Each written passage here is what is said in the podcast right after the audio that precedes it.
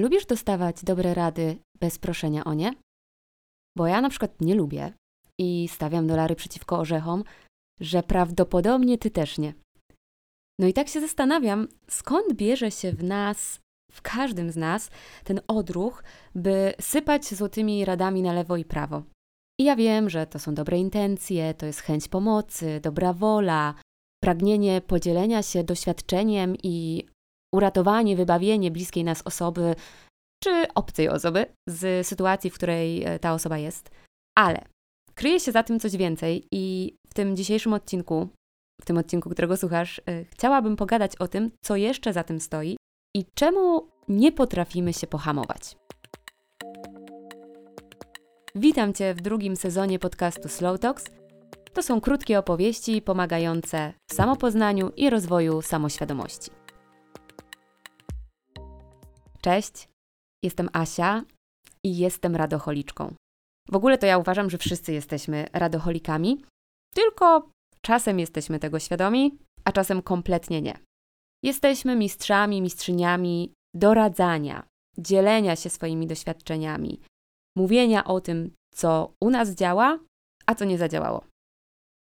Nawet nie jest ważne w sumie, czy my mamy wiedzę na ten temat, czy na przykład dopiero przesłuchaliśmy odcinek podcastu na zupełnie nowy temat, którego wcześniej nie znaliśmy.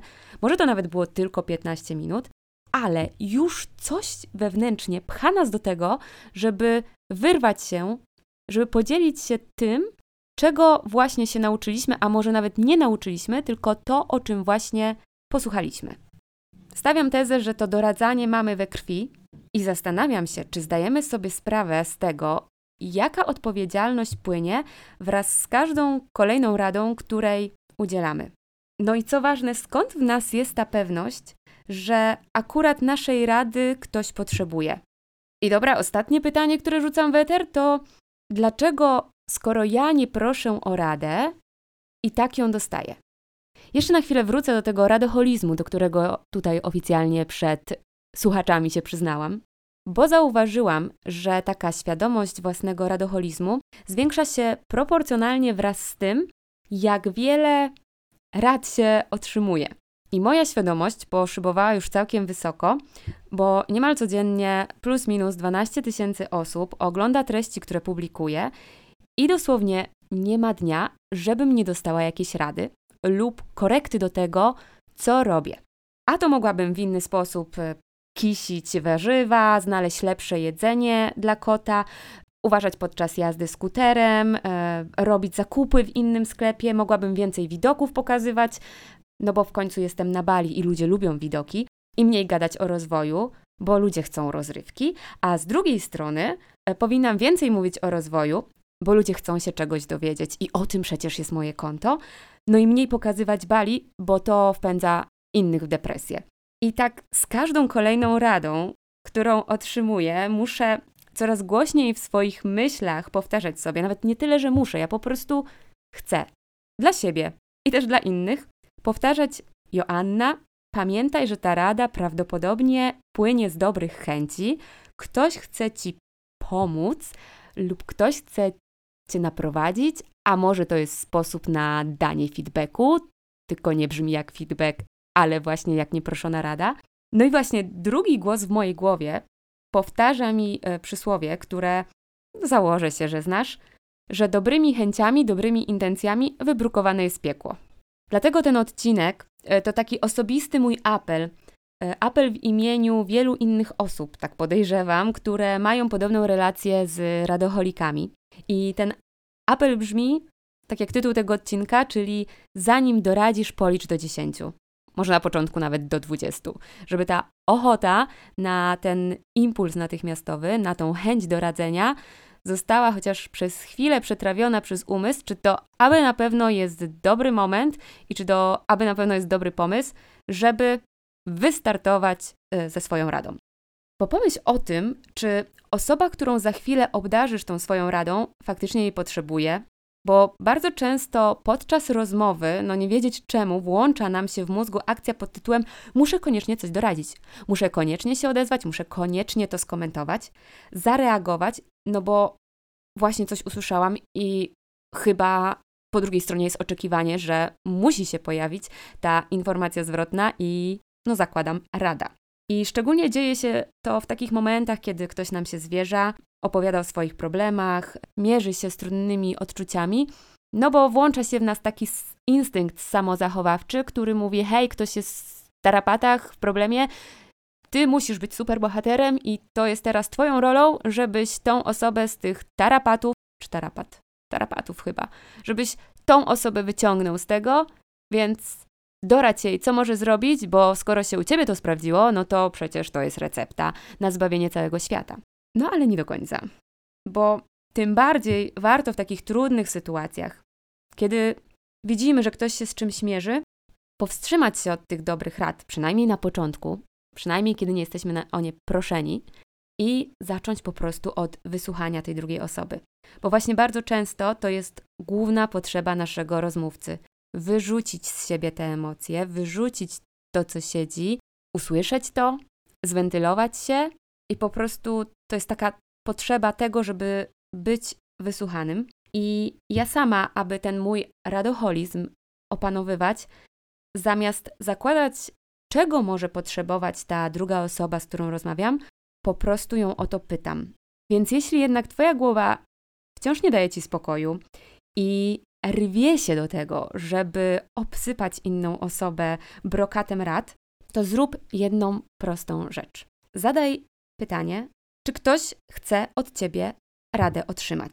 I przyznam Wam, że to jedno zdanie odmieniło moje życie radocholiczki i zauważyłam, jak inaczej działa wyjście z inicjatywą nie w postaci rady, a właśnie w postaci pytania, czy ktoś chce tę radę otrzymać, bo były zarówno sytuacje, kiedy ktoś powiedział wprost: Tak, jestem gotowa, potrzebuję tej rady, ale były też sytuacje, kiedy ktoś mówił: Nie, to nie jest jeszcze ten moment, ja na razie potrzebuję zrozumieć, co się, co się u mnie dzieje. I z mojego zawodowego doświadczenia zauważyłam, że jeżeli ja wychodzę z gotową radą, z gotowym rozwiązaniem na czyjś problem, często nie rozumiejąc do końca tego problemu, albo nie będąc zaangażowana w ten problem, to jest zdecydowanie mniejsze prawdopodobieństwo, że ktoś wykorzysta tą radę, albo że wykorzysta ją w taki sposób, żeby otrzymać efekt, który ja prognozuję, dając tą radę.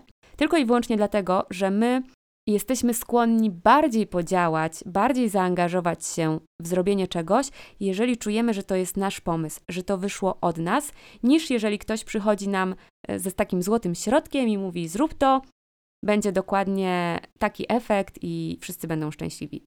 Dlatego fajnie inspirować, fajnie pokazywać jakieś strony medalu, ale zostawić tej drugiej osobie przestrzeń na to, żeby ona mogła spróbować dojść do rozwiązania problemu, dojść do znalezienia dla siebie rozwiązania sama.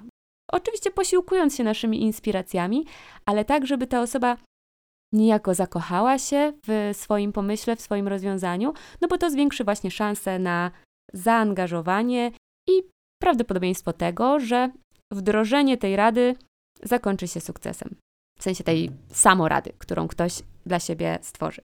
No ale wracając, z wychodzenia z tego doradczego nałogu pomaga mi również przypominanie sobie, jak ja sama się czuję, gdy ktoś e, nieproszony zasypuje mnie tym brokatem e, rad. No i o ile te rady są jakościowe, to jeszcze sytuacja jest do uratowania, no bo czasami jest to w stanie wywołać we mnie jakąś refleksję albo głębszą zadumę, że pochylę się nad tą radą i faktycznie zastanowię się, że, czy może ten inny punkt widzenia nie jest czymś cennym, co mogłabym wziąć dla siebie. Jednak znowu z tego, co ja doświadczyłam i zauważyłam, bardzo często te rady, które otrzymujemy, są po prostu złe i niedopasowane do tego, z czym się mierzymy. Wynikają one z czyichś doświadczeń, które przecież po pierwsze są zupełnie inne niż nasze, po drugie wynikają z czyichś przekonań i wierzeń dotyczących życia, konstrukcji świata, funkcjonowania tego świata, a w tym przecież też bardzo często jako jednostki się różnimy. Bo jak dla mnie, tak bardzo na prostym przykładzie mówiąc, nie ma takiej zasady, że jak jest 0 stopni na dworze, to każdemu z nas będzie zimno i każdy powinien założyć czapkę. A jednak ta rada, załóż czapkę, bo będzie ci zimno, jest pewnie jedną z najpopularniejszych, no i tkwi w niej jakieś założenie i przekonanie. Bo to, że tobie będzie zimno, wcale nie musi oznaczać, że na przykład mi będzie zimno, bo być może mój organizm funkcjonuje zupełnie inaczej. Są też rady bardzo krzywdzące, jak na przykład te, by się nie smucić, albo by nie rezygnować z pracy bądź nie zmieniać pracy, no bo wiadomo, kolejne przekonanie, lepiej mieć pracę niż jej nie mieć.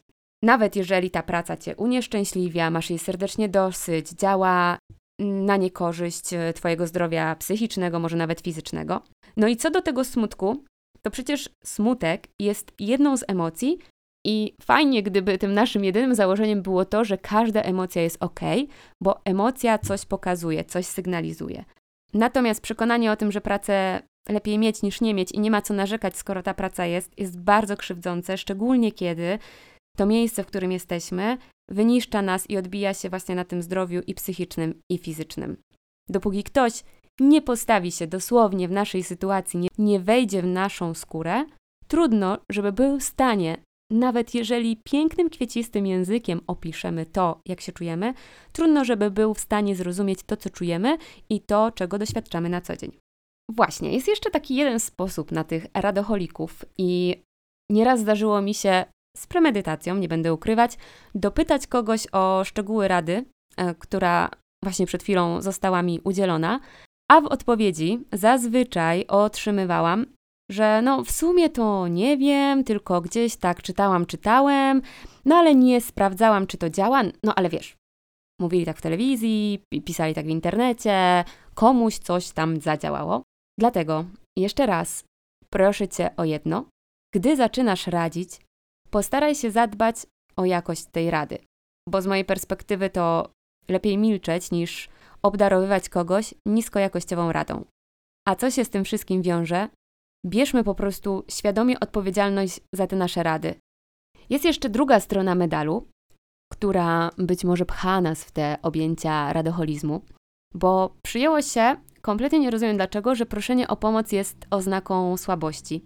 No i z mojej perspektywy jest wręcz przeciwnie i uważam, że proszenie o pomoc to jest oznaka siły, bo po pierwsze udało nam się zauważyć, że coś jest nie tak, a po drugie podjąć krok ku poszukiwaniu wsparcia i przyznać się do tego, że coś nie działa. No i tu, na obronę tych naszych doradczych zapędów, bo sytuacja z opanowaniem radoholizmu byłaby prosta, prostsza na pewno, gdyby każdy z nas bez skrępowania jasno komunikował, że właśnie potrzebuje porady, pomocy albo po prostu pogadać. No a rzeczywistość jest taka, że jednak nie każdemu z nas przychodzi to z taką śmiałością. Dlatego znowu wrócę do tego magicznego pytania. Gdy czujemy, że druga osoba nie oczekuje jedynie od nas wysłuchania, gdy mamy jakieś sygnały, że tam jednak jest wołanie o pomoc, o, o radę, może czasem o wyręczenie, choć ta osoba tego nie mówi, warto ponownie zadać to pytanie: czy chce otrzymać od nas radę, albo czy chce się dowiedzieć, co my byśmy zrobili na miejscu tej osoby. I już tak zmierzając do końca, bardzo zależy mi na tym, abyś zapamiętała, zapamiętał, że Twoja rada jest takim niejako prezentem dla drugiej osoby.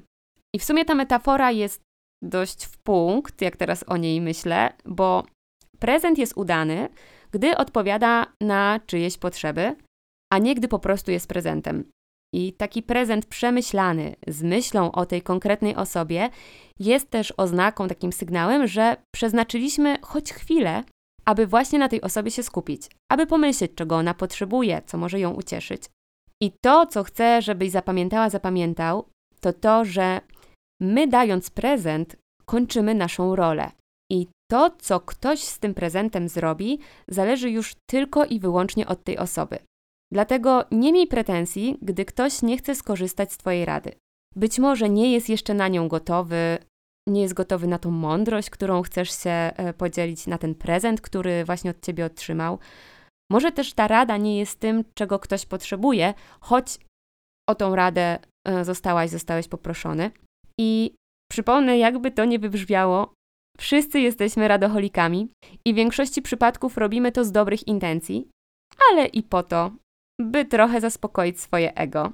Dlatego zachęcam Cię do poobserwowania siebie w nadchodzącym tygodniu, jak zaawansowaną, zaawansowanym radocholikiem, radocholiczką jesteś, a z drugiej strony, jak ty się czujesz, kiedy otrzymujesz rady, o które nie prosisz. To był pierwszy odcinek drugiego sezonu podcastu Slow Talks. Ja nazywam się Anna Toboła Pięczak i zapraszam do obserwowania tego podcastu, by nie przegapić kolejnego odcinka. I zapraszam również na mój Instagram joanna.tobola, gdzie miksuję życie na Bali z podróżami w głąb siebie.